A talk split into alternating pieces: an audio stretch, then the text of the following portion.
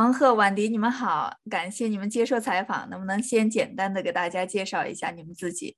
大家好，我是婉迪，我是一个双语脱口秀演员，做中文和英文的脱口秀。做中文脱口秀已经快要两年了，做英文的脱口秀已经快要一年了。然后目前住在悉尼。我二零一六年七月份然后过来读书的，我在墨尔本大学读的艺术策展专业。啊，大家好，我叫黄鹤，我主要是在做英文的脱口秀，今年是我第五年做脱口秀。我是两年前一九年最后一天来的澳洲，我不是在这儿留学生，我是美国读的研究生。我来这儿就完全是为了脱口秀这个事儿，我比较喜欢英文脱口秀，然后想把自己的精力都放在英文，然后英语国家主流的。当时我觉得澳洲是最容易的吧，然后我就过来了。嗯，那这个英语是我们的第二语言哈。这个演出的时候，我觉得这中间好像语言这方面跨度还是比较大的，中文到英文。那能不能介绍一下你们是怎么样放弃了自己原来的专业，转而成为这个脱口秀的演员的呢？首先，做脱口秀这个事情就比较偶然，而且它不是一个每天发生的，所以说就当一个爱好，或者说是就是玩儿一样的事情。并没有说我我打算把它当专业或者怎么样，只不过做的时间久了之后，觉得自己好像有能力把它做好，所以说就一直没有停下来，然后一直都在写段子和讲段子。呃，用英文讲脱口秀这件事，我其实脑海当中会有一些段子出现，但是可能说出来之后，大家觉得没有那么好笑，或者说他没有理解我。所以有的时候我会把我的段子给那些在澳洲长大的中国人去给他们解释一下我想说什么，然后让他们来帮我改一改。所以说在刚开始的时候我是这样处理的，但是到后面因为我经常自己写段子，我不可能把每一个段子都去让朋友去给我改，所以我的方法就是尽可能的写简单的句子，然后尽可能的用简单的词汇，这样子怎么样都不会错，而且还可以让更越来越多的人。有共鸣，可以听得懂。它是算是我的兼职，也是我的爱好。我觉得用职业这个词好像稍微有一点点太过于专业了，因为我做这个行业并没有多久。我觉得我更像是一个想要成为专业人士的爱好者。嗯，那黄鹤呢？我是天生就对各种不同的文化很感兴趣。我之前的工作的话，是因为我们出差很多。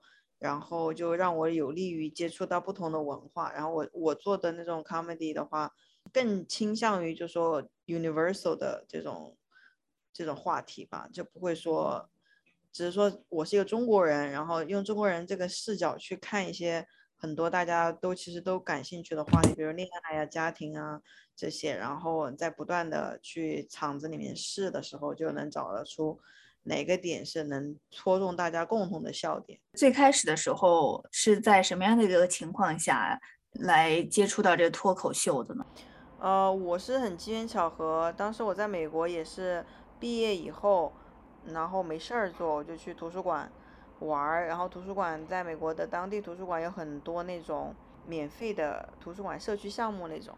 然后刚好去的那个图书馆就刚好说，哎呀，我们网上还有很多，然后就去网上看了一下，就发现有一个脱口秀入门的这个一个活动，然后当时是维持了五周吧。当时我觉得没啥事儿，就去做呗，反正就找个工作之余的爱好。因为我朋友之前一直在说我很好笑，他建议我去做脱口秀。然后我就去试了，就这么一个机缘巧合的情况下，就接触到这种类型的表演，然后就接触到当地的这些圈子，然后慢慢就发展起来的。嗯，那个是哪一年呢？嗯，一七年吧，对，一七年。我是在二零二零年初的时候，然后当时李诞本来要跟效果的演员一起来澳洲巡演，作为墨尔本国际喜剧节的华语喜剧周的其中一部分。然后我当时的全职工作是在一家票务公司，所以我们公司相当于是他们这个巡演的某一个票务方。但是当时由于疫情爆发之后，就是他们这群人就来不了澳洲巡演了。然后当时的主办方就搞了一个线下的开放麦的活动，就邀请我们工作人员过去玩。然后我就上台了。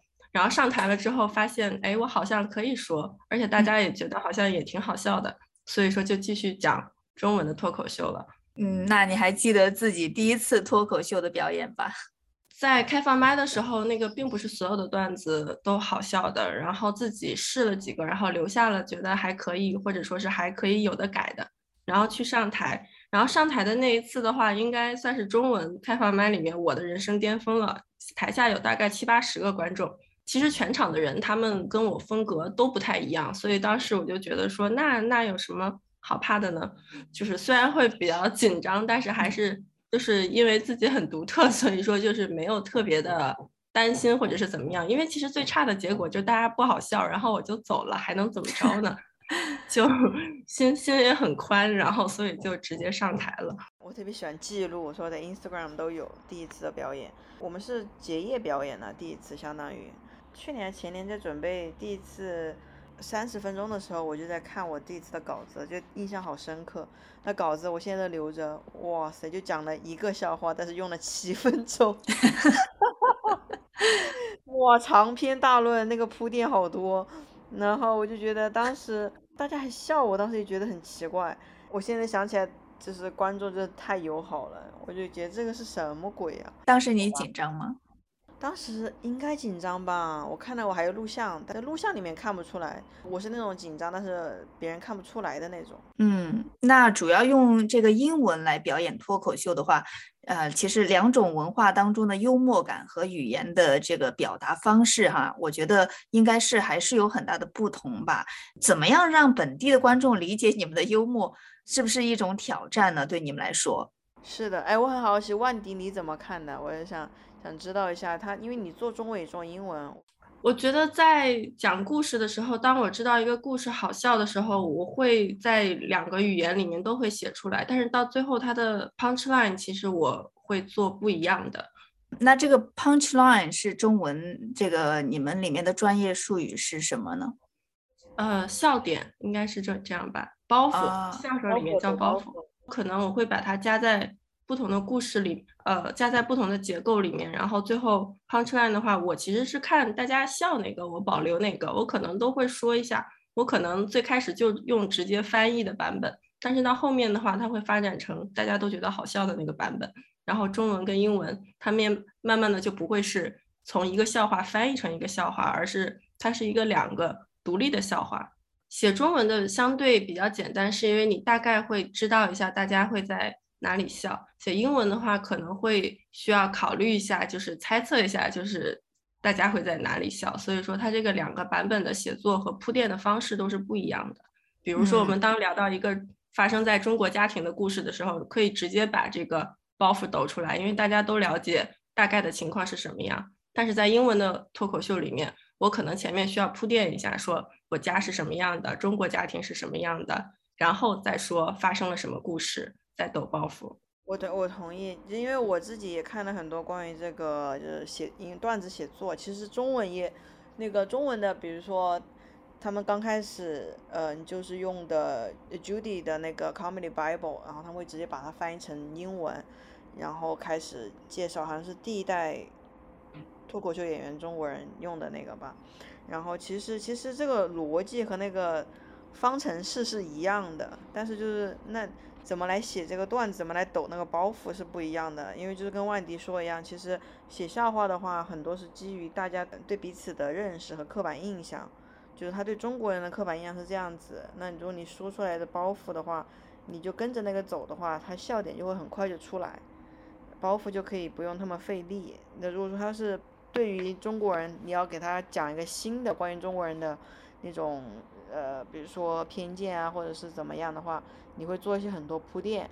那从另外一个方面来说，这种跨文化的表达是不是也能够增进两种文化的碰撞交流以及相互的理解呢？肯定会吧，但是要形成一种潮流才行。就跟那个韩国的电影啊、电视电影，我就觉得大家现在看之后，比如说像《鱿鱼游戏》啊这种。呃，韩韩国造星啊，偶像这些，他们，我感觉，你要说真的是能够达到一种对跨文化的交际的话，你得要形成一股潮流才行。现在就零零星的几个人是达不到这种作用的。比如说有人来看我们的表演啊，看了以后会说啊，最多不过就改变那几个人的想法，嗯，大规模的进行文化交，而且而且来看你节目的人，基本上之前都会对你有一定的设想和了解，就对你不感兴趣的人也不会来。嗯，我觉得他会让我们去聊一些我们平常觉得非常习以为常的事情，或者是怎么样。虽然我是中国人，然后我的英文脱口秀里面有很多关于中国的笑话，但实际上当我结束演出之后，找我最来聊天的人最多的是印度人。他们就会来找我说，哦，其实我们也在结婚的时候也会包红包，有这方面的习俗。然后我们也是一个大家庭，然后我们在亲戚之间交往的时候，也会跟中国人一样有那些什么样什么样的笑料。我听完之后，我就会觉得说，嗯，好像虽然中国跟印度离得好像有点远但，或者看起来不太一样，但实际上在文化上，亚洲很多文化都是相似和相通的。嗯，确实哈。那在澳洲表演脱口秀，从这个话题的选择和语言表达来说，是不是呃相对来说有更大的这种自由度呢？肯定啊，我觉得这为这这其实就是我为什么愿意想要到澳洲来，就是我感觉就是文化包容、多元文化性吧，这样子会给你更多的自由创作的自由度。也不一定非得说我一定要去写那些很禁忌的话题，或者说是非常政治性他们的一些创作，我就觉得这个这个话题的选择性就太多太多了，就是又可以低俗，也可以也可以非常高雅的。这像墨尔本特别多那种他们说的 alternative，就是另类的喜剧表演。那黄鹤有没有在中国做过脱口秀呢？我有啊，我就是来澳洲之前一年都是在中国待着的，然后我做的是英文的吧，因为我是从美国开始的，所以我就比较喜欢喜欢那种就是我想说啥就说啥，那观众爱听就听，不听拉倒这样子，大家不会说来 派人来抓你这样子，或者是直接把你举报了这种。然后在国内那一年，我就身边经历了一些这种事儿，我就觉得，嗯，虽然我说的话不一定非得要。那么大的争议性，但是我就不喜欢这种环境。对国内的话就会比较小心一点，包括从那个脱口秀演员自身，然后场场地的老板和那个制作人都会非常谨慎，要审稿啊之类的。当时有一个场地，然后被人举报了，就被就关了，不知道为啥被举报，太不开心，就觉得啊你这个是什么场地，就是很神奇，说中国人就这样，就是。你不开心你就去怼呀，那非得要去打小报告，然后那个场地的老板就怕惹麻烦，就关了那个那个周三的一个英文麦。我会觉得，因为澳洲它是一个多元文化的社会，我会觉得不管我谈论什么样的话题或者观点，我它就仅仅是一个观点而已，而不是一个异类。嗯，那是不是也会还是有一些底线呢？有一些禁忌的话题或者是语言呢？我觉得不应该算是禁忌吧，可能就是在调侃的时候要把握好分寸。但是目前来说，其实脱口秀的世界还是要比现实的世界要更宽广一些，就是有一些话题是可以聊的，或者说是是可以去调侃的，只要你说的有道理，或者说让大家觉得好笑。我会觉得在这方面的话，脱口秀的世界相对会更宽容一些。嗯，那平时嗯，二位表演这个脱口秀，你们喜欢的内容和主题大概都是什么呢？哦，我自己比较喜欢比较激进一点的那个脱口秀演员，嗯，像比较出名的 Doug Stanhope，啊，Bill Burr，然后我会喜喜欢听段子，会颠覆我对这个事情的想法的人，然后一嗯，就会你就觉得看了这个人，哇，你就。再看见另外一个人，再看见他说这个事儿以后，你就脑子里面全都是他想的，他说的那个想法。我觉得这种这种 comedian 就是让我觉得非常的敬佩的。我自己做的其实挺挺那啥的，挺挺简单的。我感觉我做就是什么 dating 啊，family drama，然后一些 personal struggle 这种，就家庭、恋爱、文化冲突和那种中国剩女的焦虑这样子，各种各样的。那我自己做的内容的话，我主要是关注在我作为一个女性，然后生活在海外，我个人的一些生活经历，以及我觉得去调侃一些可能生中国的传统啊，或者是迷信这方面的段子。真的要创作好这样的一个比较好的段子啊，都是你们自己原创的吧？这些段子。对，必须是原接来给我们创。那是不是要随时的不断的在观察生活啊？随时要记下各种灵感啊，或者是要睁大自己的眼睛去思考、观察呀什么的？也就是对脱口秀演员来说很重要，就是笔记本嘛。有一次我拉了笔记本，哇塞，真的心里面好焦虑。马上坐车回去找笔记本上就是我们记的，因为很多时候你的想法就过路就过路了，你不马上记下来的话，你就想不起来了。这一路走来有没有遇到比较困难的时候呢？特别是在这个疫情封城期间，那线下的这种演出肯定是嗯不可能的了。对的，很困难。我觉得不光是我们吧，像像万迪和我们，我们俩都还是才起步的。我觉得最困难的是对那些已经。就是靠这个为生的人是非常困难的。这这过去这两年，包括今年还是吧，还是没有完全的恢复，因为他们平时的生计就是演出啊。然后过去两年就相当于就没有收入了嘛。我知道很多朋友之前都是全职演出，然后哦，疫情两年就得不不呃必须得去找其他的工作啊，什么超市啊之类的去。就做这个工作来来那个维持生计。对我本来其实是来是澳洲是为了这个来的，所以说对我来说是心理上的冲击力比较大。对，就觉得这两年好像呃就浪费了吧，感觉。我当时是做这个公司里面做那种行政吧。嗯，我在疫情期间的话遭遇过好几次，就是我的演出提在提前了，就是前一天通知我被 cancel 了，由于疫情，由于封城。然后那一段时间确实是心里非常非常难受的，因为感觉哇，我准备了很久，然后就被取消了，然后这样连续被取消了两次，然后整个人就会觉得说，啊，算了，我为什么要去开放麦呢？我去了之后也还是演不了，我干嘛要去呢？所以说就变成了写脱口秀变成了一个我更多偏向写的一个过程，而不是一个偏向演的过程。嗯，那作为女性脱口秀演员哈，而且是这个华裔的背景。